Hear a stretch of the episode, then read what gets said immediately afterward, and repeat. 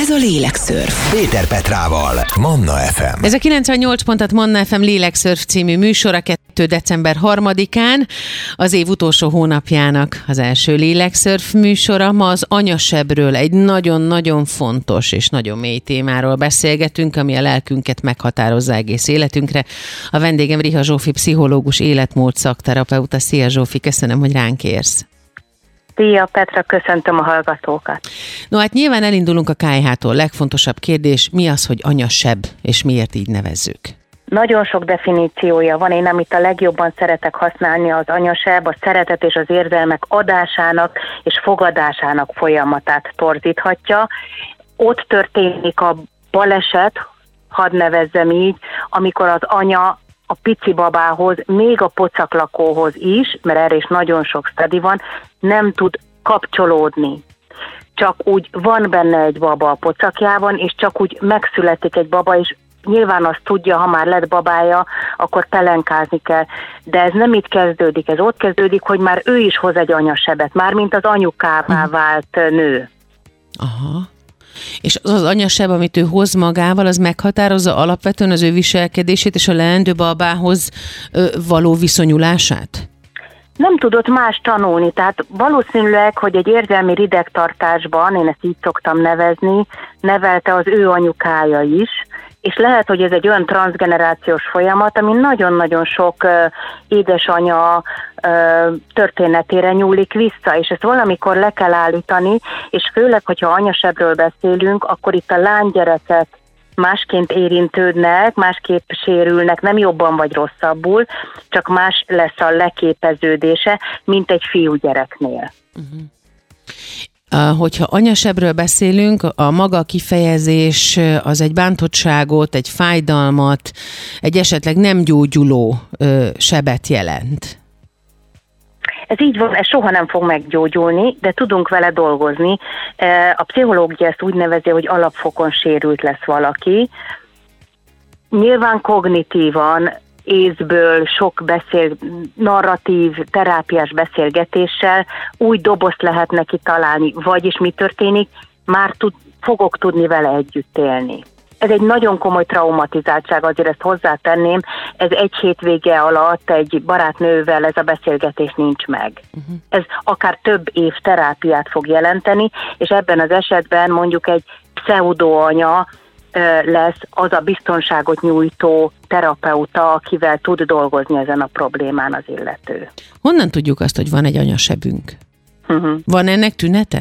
Ó, rengeteg tünete van. Egyrésztről ugye azt kell tudni ilyenkor, hogy már van-e az illetőnek gyereke, és a gyerekével való kapcsolódásban van valami probléma, ha nincs gyereke, akkor is érzi a furcsaságot, hogy mondjuk az anyukája fele bűntudata van a mai napig, nem tudja megölelni, nem tudja megpuszilni, olyan suta az egész, amikor ők ketten találkoznak, akár így felnőtt-felnőtt relációban. Kínos, kellemetlen időt tölteni mondjuk az idősödő anyukájával, nem találják a, a párbeszédet, nem találják az útvonalat egymáshoz. Nagyon fontos természetesen azzal is tisztában lenni, és azt is megmagyarázni, és ezt meg is fogjuk tenni majd Zsófival, hogy az anyákról milyen alapvetések élnek a fejünkben, és hogy ez még jobban meg tudja nehezíteni az anyasebbel élők életét, hiszen ugye azt szokták mondani, anya szeret, anya mindig velem van, anya nélkül én sem lehetek, anyának köszönhetem az életemet, és ez csak néhány gondolat azok közül, amik gyakorlatilag mondhatjuk, hogy beleégnek az ember szívébe, lelkébe, az agyába. Innen folytatjuk, a mai lélekszörvben az anyasebekről beszélgetünk, a vendégem Riha Zsófi pszichológus, életmód szakterapeuta, lélekbúvár, mondhatom így, hogyha megengeded, akivel nagyon sok Köszönöm. mindent fel tudunk tárni itt is. Hamarosan folytatjuk. Ez a Lélekszörf. Péter Petrával, Manna FM. A mai műsorban léleksportolunk tovább, és egy nagyon nehéz témáról beszélgetünk vendégem Riha Zsófi pszichológus életmód szakterapeutával. Ez az anyaseb, amiről már Szó volt ugye az előző beszélgetésben, hogy mit is nevezünk anyasebbnek, de ígértem, hogy onnan folytatjuk, hogy vannak olyan alapvetések, amik megakadályozzák azt, hogy az ember talán, hát fogalmazhatok úgy, hogy tisztállása a saját anyját, mert ugye a társadalom azt mondja, hogy az anya szeret, az anya mindig velem van, az anya az alfa és az omega, az anyával való kapcsolatom határozza meg, főleg lánygyerekként az egész életemet. Hát mi van, hogyha nem így van? Hát ez szerintem ott kezdődik, hogy milyen kultúrközegben, szocializációban nőttünk fel, és ez korfüggetlen. Tehát itt van egy olyan nagyon megterhelt szocializációnk, amiben valóban vannak tabu témák. Tehát ahogy te mondod tökéletesen, hát az anyánk az csak tökéletes lehet. Sajnos nem így van, és nyilván a pszichológusok ezzel találkoznak, és nem a boldog és és önfelett anya-lánya kapcsolódással. Ha a taburól beszélgetünk, akkor ugye nem mondhatunk rosszat, ugye, mert a társadalom meg fog ítélni, de te hogy beszélsz az anyádról? Uh-huh.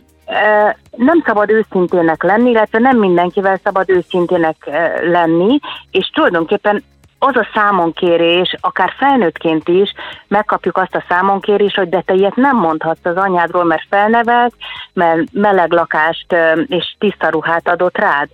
Igen, na most megint ott tartunk a maszlói piramisnál, hogy igen, kaptunk enni, volt tiszta pelenka a fenekünkön, és itt nagyjából nagyon sok esetben, traumatizált esetben megáll a tudomány, hiszen ellátták a gyereket. Tehát, hogy akár mondhatnánk régi uh, tanyaléteket, hogy de hát más is felnőtt csak úgy, hogy az anyja apja dolgozott kint a mezőn, és nem foglalkozott vele. Nyilván föl lehet így is nőni, utána ő nehezen fog tudni kapcsolódni. Uh-huh. Uh, mielőtt mindenki lerántja rólam ezt a bizonyos lepedőt, és azt mondja, hogy úristen, ilyet nem lehet mondani, mégis kimerem mondani. Nem minden nő lesz anya. Tehát az édesanyasághoz először is nem is tudjuk, de meg kell érkezzünk. Azzal a fajta önzetlenséggel, azzal a fajta altruizmussal, hogy nem én vagyok elől, a baba van elől, a gyerek van elől, és az a gyerek, az lehet, hogy 18, lehet, hogy 24 éves koráig igényli az én értő figyelmemet és jelenlétemet. Én azt gondolom, hogy a kapcsolódás az valahol, valahol itt kezdődik. De akkor ezzel azt is mondod, hogy nem mindenki lesz édesanyja, hiába szült, bocsánatot kérek a kemény kifejezésért, Opa. nem sértésnek szánom, viszont akkor az is igaz, hogy bár lehet valaki édesanyja úgy is, hogy nem szül. Ez tökéletesen így van. Nagyon sok kedves kliensem, barátom van, akik nem szültek, ad abszurdum örökbe fogadtak, és sokkal minőségibben és értő figyelemmel és teljes önzetlenséggel kapcsolódnak az örökbefogadott, vagy éppen más szinten a környezetükben lévő babákhoz. Mi az értő figyelem, Zsófi? Tudom, hogy ez most valószínűleg egy definíció lesz, de ezt ö, többször hallottuk már, hallottam tőled is, és szerintem egy nagyon fontos kifejezés, és kell, hogy az, az, az anyukának készülő hölgyek például, vagy az anyukák, akik változni szeretnének, vagy már nem tudnak, de végig gondolják az életüket, azok tudják, hogy mi ez. Az értő figyelmet tényleg nagyon sokféleképpen definiálják. Én az előbb így nagy zanzásítva próbáltam átadni, hogy ez számomra, és mindenkinek önmagában kell megkeresni, arról szól, hogy nem a belső monológiaim szintjén értelmezem, amit a gyerek mond, vagy csinál, mert még nem mond, mert olyan pici, uh-huh. mert sztereotípiákban élünk, ezt, ezt azért kimerem uh-huh. mondani, hanem arra figyelek, amit nekem a gyerek át akar adni, az ő fájdalma, az ő szintjén lévő lelki sérülés vagy fizikai sérülés szintjén. Nem az, hogy bagatelizálom. Ugye az anyasebről beszélgetünk, tehát itt majd be fog jönni a bagatelizálás, hogy azok az anyák, akik sebet okoznak, lesöplik a gyereknek a problémáját.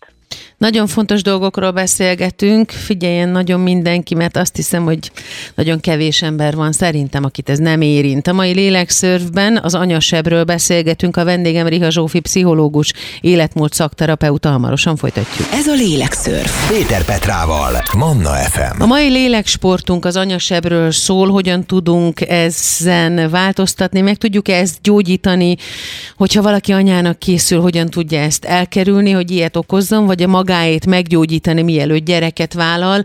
Ilyen és ehhez hasonló fontos dolgokról beszélünk az anyasebek kapcsán mai vendégemmel, Riha Zsófi pszichológus életmód szakterapeutával.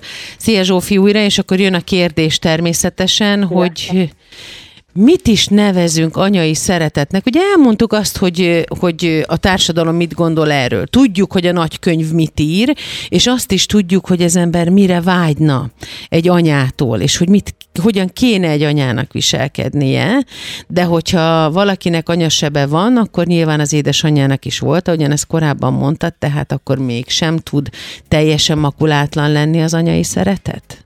Tudna, a, ugye az, az elején ki szeretném mondani, hogy a, amikor haragszunk a saját anyánkra, azért, mert nem úgy, nem azzal az értő figyelemmel volt irántunk, és nem adta azt magából, ami, ahol mi be tudtunk volna kapcsolódni az ő lelki világába.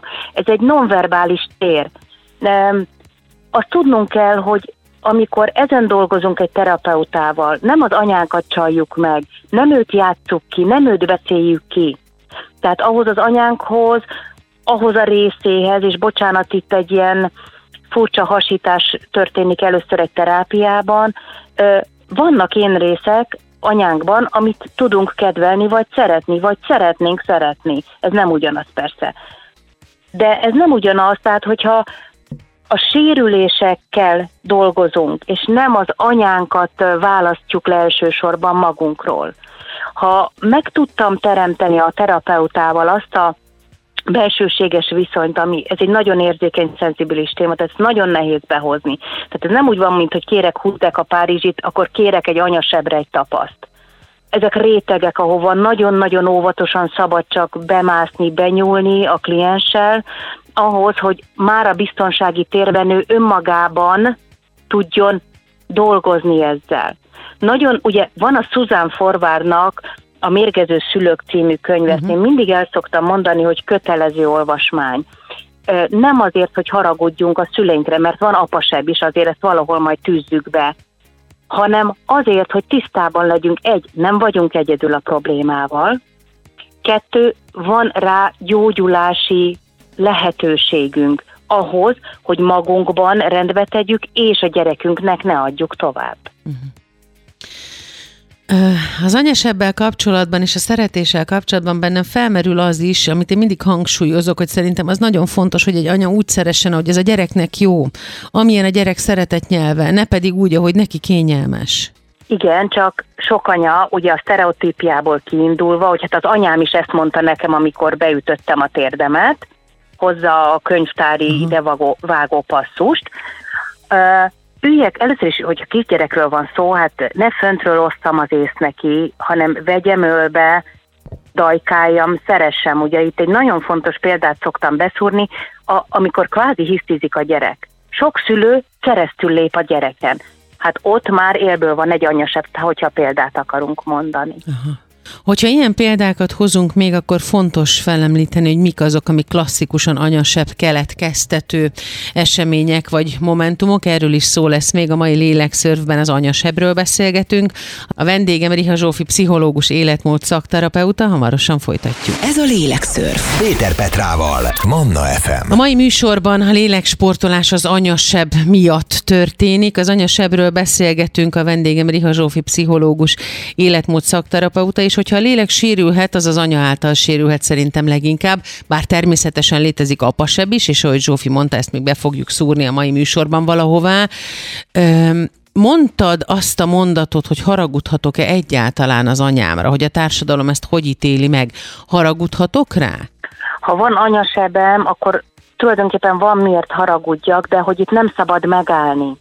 Tehát, hogyha már konstatáltam, ha ugye itt ez azért fontos a harag, hogy azonosítsam, tudatosítsam, kimondhassam, hogy bennem egy negatív érzés van úgy, hogy nem jelenik meg a bűntudat. Ez borzasztóan fontos. Hogyha ezzel már rendben vagyok, hogy igen, hát miért ne haragudhatnék rá? Akkor A, a terapeutámmal, aztán majd esetleg egyszer vagy levélformában, vagy szóban el lehet az anyánknak is mondani, hogy én úgy éltem meg, nem egy objektív dologról beszélünk. A pszichológia mindig a szubjektívvel dolgozik. Megélés, én megélés. Ugye az anyasebb egyik másik megnyilvánulása tetten érhetősége tud lenni, amikor az anya azt mondja, hogy de ne, ne tarts föl, ilyenek vannak, ja, igen. ne tarts föl, most erre én nem érek rá, ez is egy tipikus mondat, majd én, majd én megmondom, hogy te mit ér. Ez nem úgy van, ahogy te érzed. Aztán olyan is van, hogy Sírjál csak nyugodtan, szegény meg nem ért egy gyerek, nyugodtan sírjál, jó, hagyjad, nem majd megnyugszik. Igen, és felhasználja mondjuk apával való konfliktusában. Tehát mondd meg apádnak, hogy. Uh-huh. Tehát ez is egy nagyon fontos vetület, hogy a gyereket használják, ugye, nagyon, ez egy nagyon csúnya, de nagyon kifejező mon szó, hogy, hogy hát majd, majd a gyerekem elintézi, majd ő megvéd engem ettől az alkoholistától. Uh-huh. Ez is anyasebet képez.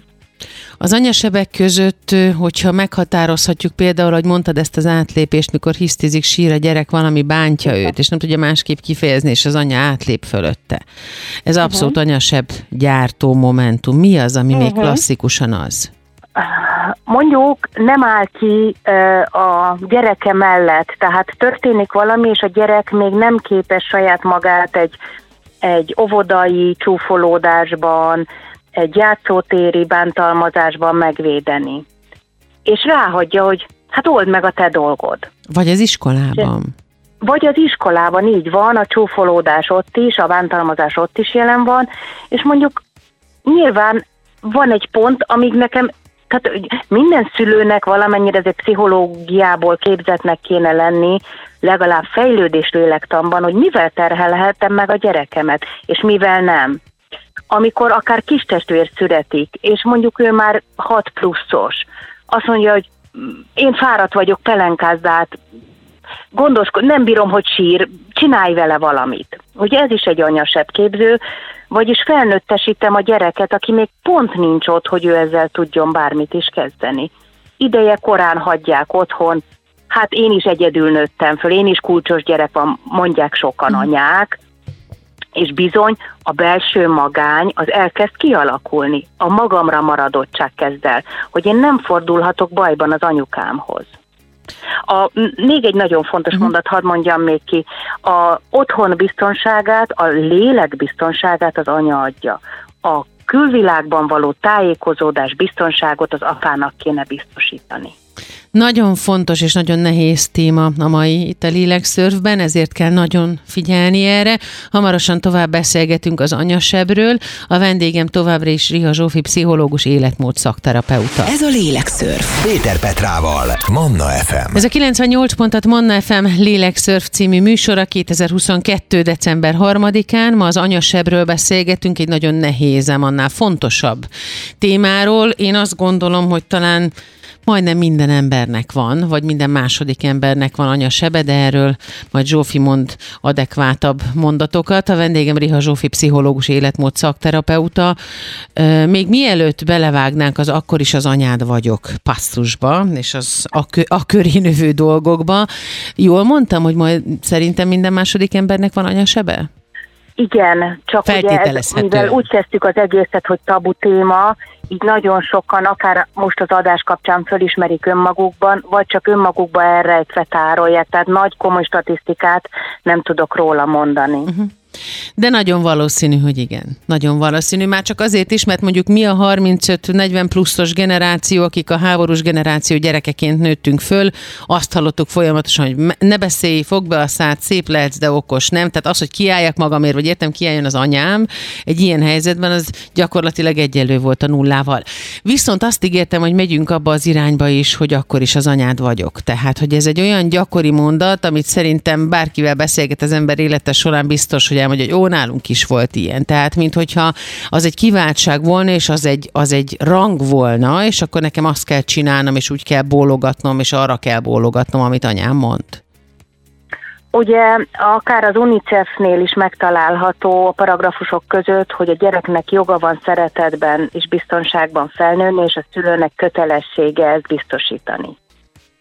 Ez, ez mindent lefed, és ö, nagyon sok szülő ugye odavágja nem csak ezt a mondatot, hogy de az anyád vagyok, nem beszélhetsz így velem, vagy nem viselkedhetsz így, ugye azt is megkapjuk, hogy amíg az én asztalomról eszel, uh-huh. addig neked te nem szólhatsz semmit. Ezek ugyanúgy sepképzők, és ami ugyancsak ehhez kapcsolódik, hogy ha én az anyád vagyok, akkor kötelességed engem szeretni, elviselni, toleránsnak lenni. Meg hálásnak de ez nem lenni. Itt kezd, hálásnak, de ez nem itt kezdődik. Ez ott kezdődik, hogy az én anyám megtanította ezt nekem tudatosan, verbálisan, nonverbálisan, azt az elfogadást, azt a lojalitást és türelmet, amit utána rajtam mindig gyereken számon kér. Uh-huh. Egyébként én azt gondolom, hogyha elhangzik egy ilyen mondat felnőttként, azért talán ér azt mondani, hogy rendben van, de akkor úgy kéne viselkedni, mint egy anyának. Mondjuk nem úgy, mint egy sértődött barátnőnek, hiszen aki anyaként viselkedik, annak szerintem nincsen szüksége arra, hogy ezt a mondatot elmondja. Hát ez egy nagyon csúnya támadás ez a mondat eredendően, és ennek az a következménye, hogy szeretet megvonással manipulálják a felnőtt vagy gyerek-gyereket, hogy akkor nem szeretlek, akkor, akkor te most menj ki a szobából, és ezt lehetne sfrolni, és ő szünteti, tulajdonképpen az anya szünteti meg azt a kapcsolódást, ahol a gyerek ugyancsak, mint az előbbi gondolatommal leírtam, egyedül marad. Vannak olyan távolságok, ami utána visszafele nem bejárható. Nagyon fontos dologról beszélgetünk a mai lélekszörfben, ez az anyaseb, amire szerintem mindenkinek figyelnie kell, mert ha ő maga nem is érzi úgy, hogy lenne anyasebe, lehet, hogy az édesanyjának volt, bár akkor jó esélye neki is van, de biztos, hogy a környezetében van olyan ember, aki küzd ezzel, vagy ezzel kell, hogy egyet, együtt éljen. A vendégem a témában a szakértőnk, a mai napon Riha Zsófi, pszichológus, életmód szakterapeuta, a lélekszörföt pedig hamarosan folytatjuk, a téma tehát az anyaseb. Ez a lélek Lélekszörf. Péter Petrával, Manna FM. A mai műsorban az anyasebről beszélgetünk. Vendégem szakértőnk Riha Zsófi, pszichológus, életmód szakterapeuta, és én szeretném, hogyha egy picit körbejárnánk azt, hogyha létezik ilyen, hogy jelei vannak ennek, akkor milyen viselkedésbeli jelei vannak egy anyasebnek, vagy egy anyasebbel élő embernek, akár mondjuk olyan jelei, ami egy párkapcsolatban megmutatkozik ambivalensen kötődik, tehát úgy vonzódok, hogy közben elutasítom a mondjuk a párkapcsolat, hogyha ezt így behoztad. Nagyon sok párváltás van, mert mindegyikben az idealizált nőt, vagy az idealizált férfit, vagyis a háttérben lévő ö, sérült énrészt keressük, annak a kompenzációját keressük, hogy majd az a férfi megadja nekem érzelmileg azt, amit az anyám vagy apám nem tudott megadni. Tehát, hogy itt gyönyörűen leképeződnek és láthatóvá válnak, mivel elkezdünk szorongani egy kapcsolatban, elkezdünk kellemetlenül érezni magunkat, azt mondjuk, hogy nem, nem, nem ő az. Szegényre csak kivetítettünk egy vágyat, az se tudja, hogy mit kezdjen a másik vele, ha csak nem mondjuk pszichológus, és nem tudja a helyén értelmezni. Az elvárás például ugyanilyen, hogy tőlünk a maximumot várt el anyánk, és mondom, az apaság is nagyon fontos, az anyánk, kimondva, kimondatlanul ötös tanulót akart belőlünk faragni, hogy ő büszkélkedhessen velünk. Ezért mondjuk mi leszünk egy teljesítményorientált, perfekcionista felnőttek, és ebbe a párkapcsolat is nem csak a munka belejátszik, mert mondjuk munkaalkoholisták leszünk, mert akkor majd szeretnek minket. És én ezt mindig szét szeretem választani, hogy a főnököm nem az anyám, vagy Géza nem az apám. Tehát ezt muszáj szétszedni tudatosan, hogy mit mivel mosok össze, és mit hova akarok felkompenzálni, hogyha ilyen magyar szalant mondhatok. Aki perfekcionista felnőtt lesz, az egy megfelelési kényszeres gyerek, tehát például az anyja felé? Pontosan ezek miatt az elvárások? Arra vágyik, hogy egyszer kimondja az anyja vagy az apja, hogy büszke vagyok rád gyerekem. Lehet, hogy egyszer már 40 évesen mégis megkapja az anyjától vagy az apjától, csak lekéste azt a 6-20-as vonatot már, tehát nem oda fog kódolódni, ahol ez gyógyulni tudna feltétlenül. Nekem nagyon tetszik a, az egyik nagy pszichológusnak az a mondata, hogy nyugodjanak meg, hogyha maguknak anyasebe van, akkor, és nem szerette magukat az anyjuk, hát már nem is fogja. Ez egy iszonyatosan kemény mondat, uh-huh. és mi így a székbe annak idén így, így, így beborultunk hátrafele, hogy ezzel nem tudtunk mit kezdeni. Ö, ugye a tanulási folyamat lenne az, hogy mi tudjunk szeretni, de ez ott kezdődött, hogy mi meg tudtuk-e az anyánktól tanulni. Ha ő se tudta megtalálni, tanulni, erre mondtam azt, hogy vannak uh, érzelmi ridegtartásban uh, felnövő gyerekek az anyjuk mellett. Tehát mondhatjuk, hogy a háborús generációnak kisebb és nagyobb baja is volt annál, mint hogy tutulgasson, bubujgasson, simogasson. Viszont akik már háború után születtek gyerekek, és mondjuk a mi szüleinkről beszélünk, nekik már módjuk lett volna ezt felfogni, hogy őket ugyan nem, de ha lesz gyerekük, azt ők szeretnék simogatni, ölelni, puszilni. És mi van akkor, hogyha azt hiszi egy anya, hogy ő ilyen, és közben nem az, vagy esetleg tisztában van vele, hogy ő nem ilyen, de attól még állítja, hogy nagyon szereti a gyereket. A maga módján, mondjuk én ettől rosszul vagyok ettől a kifejezés, hogy a maga módján szeretni szerintem egyféleképpen lehet, de... Hm. Igen. Hát az értő figyelemmel. Hát igen. Uh, ugye én, én úgy szoktam a klienseknek elmondani, hogy vegyük le a hangsávot, és mi marad a filmen. Tehát a szeretet tevőleges. A szeretet nem beszél, a szeretet az, bocsánat, csinálva van. Uh-huh. Tehát ha, ha az nem történik meg a, az érzelmek szintjén, és az nem valódi, akkor a gyerek abban nő fel, abban a, ezt úgy mondjuk szakmaszerűen, hogy double blind helyzet, tehát egy dupla vak helyzetben, hogy az anyám azt mondja, hogy kicsikém nagyon szeretlek, és közben meg van egy elutasítás, mert mondjuk az alakját az anyának tönkretette a terhesség, időben már nem a maga ura, tehát egy csomó minden lehet a háttérben, amitől csak a duma van, és akkor ezt a gyerek így tanulja meg, akár így is viszi tovább, ha nem dolgozik magán, de ha dolgozik magán, akkor ennek rá kell döbbenni, egyszerűen szembesülni kell ezzel az életérzéssel, hogy az kamu volt, amit nekem mondtak, és az volt az igaz, és ez nagyon fontos a pszichológiában, hogy mi az igaz, nem a jó meg a rossz, hanem hogy az igaz volt, ahogy ő megélte. A mai lélekszörvben az anyasebről beszélgetünk. A vendégem Riha Zsófi pszichológus életmód szakterapeuta, hamarosan folytatjuk. Ez a lélekszörv. Péter Petrával, Manna FM. A mai lélekszörvben az anyasebről beszélgetünk. Szakértő vendégem Riha Zsófi pszichológus életmód szakterapeuta, és említettük azért, hogy létezik olyan is, hogy apaseb, és akkor most egy kicsit illendőségből is, meg ugye hát nyilván a fontossága miatt is kell, hogy erről is beszéljünk egy kicsit. Az apasepp azért fontos, mert eredendően egy gyereknek két oldalról van emocionális bekötődése. Van az édesanyához, és nyilván az első időben az egy szimbiotikus kapcsolat, és amit az anya érez, azt érez a baba, és az anyuka sír, mert a, mondjuk a férje megbántotta, a baba is nyűgös lesz és sírni fog.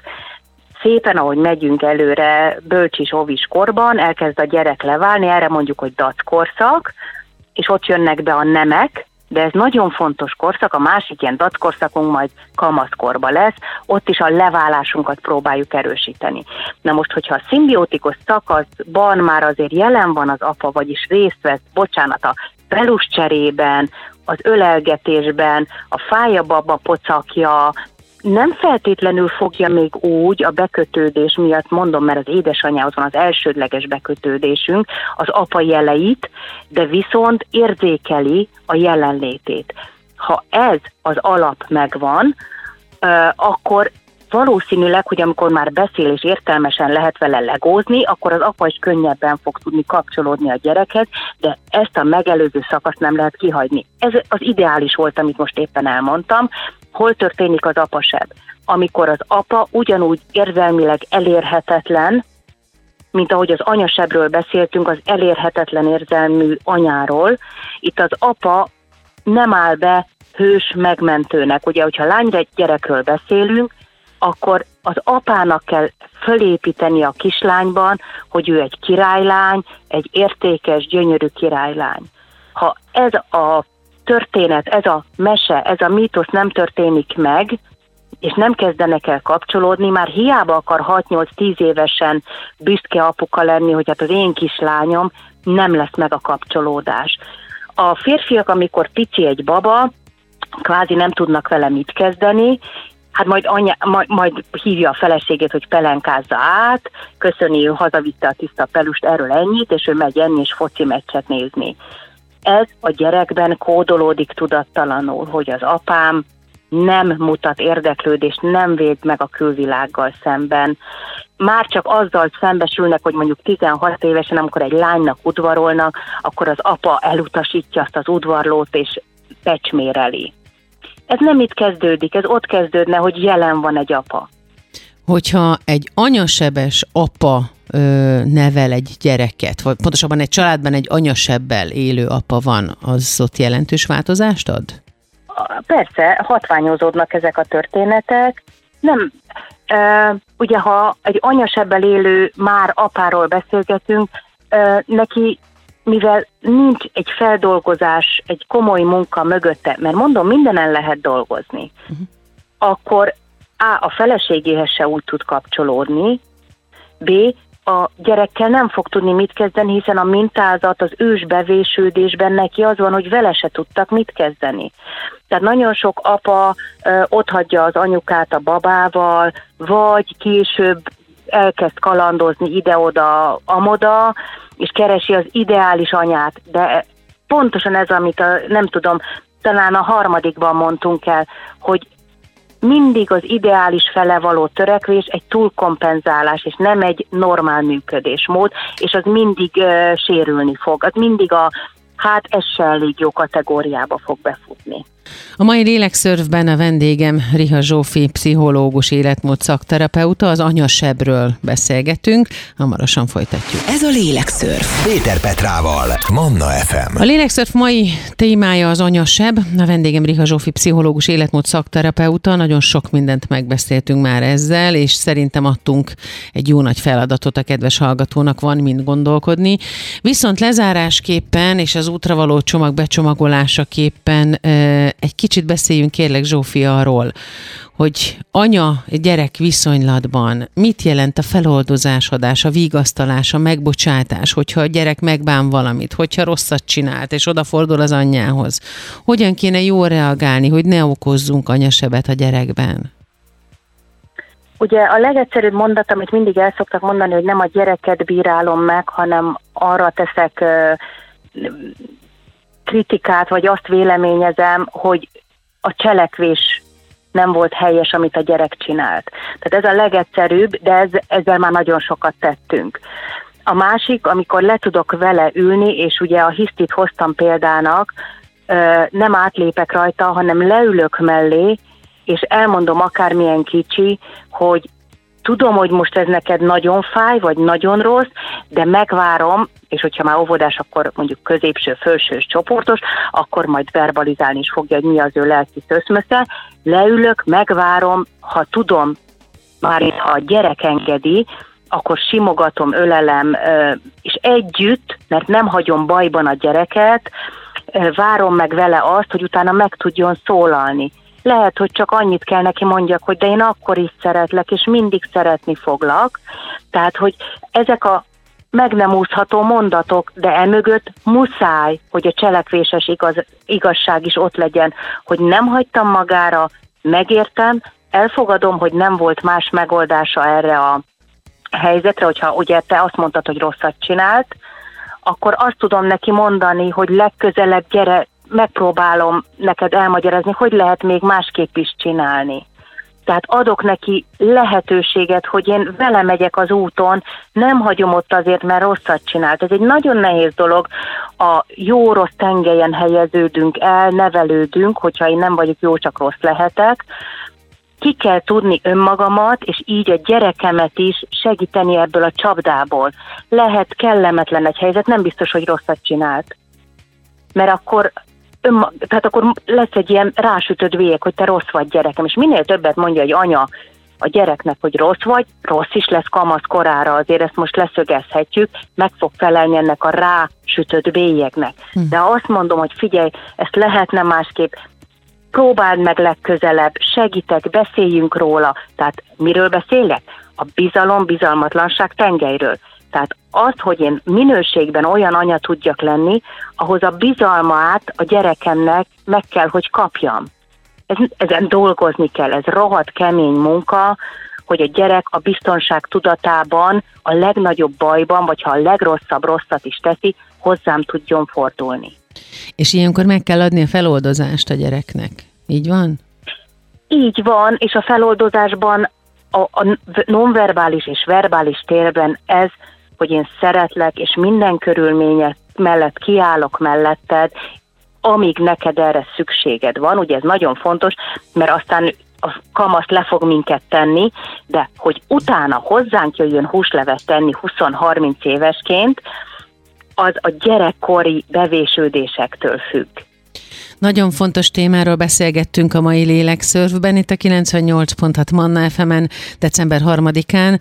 Ez az anyasebb témakör, amiről lehetne heteket, hónapokat beszélni, de nyilván ez nekünk az indító csomag volt. Én nagyon remélem, hogy a kedves hallgató, hogyha magára ismer, vagy az édesanyjára ismer, vagy a társaságában valakire, vagy családi körben valakire, akkor érdemes segíteni, és mindenképpen felkeresni egy szakembert, hogy meg tudjunk gyógyulni ebből.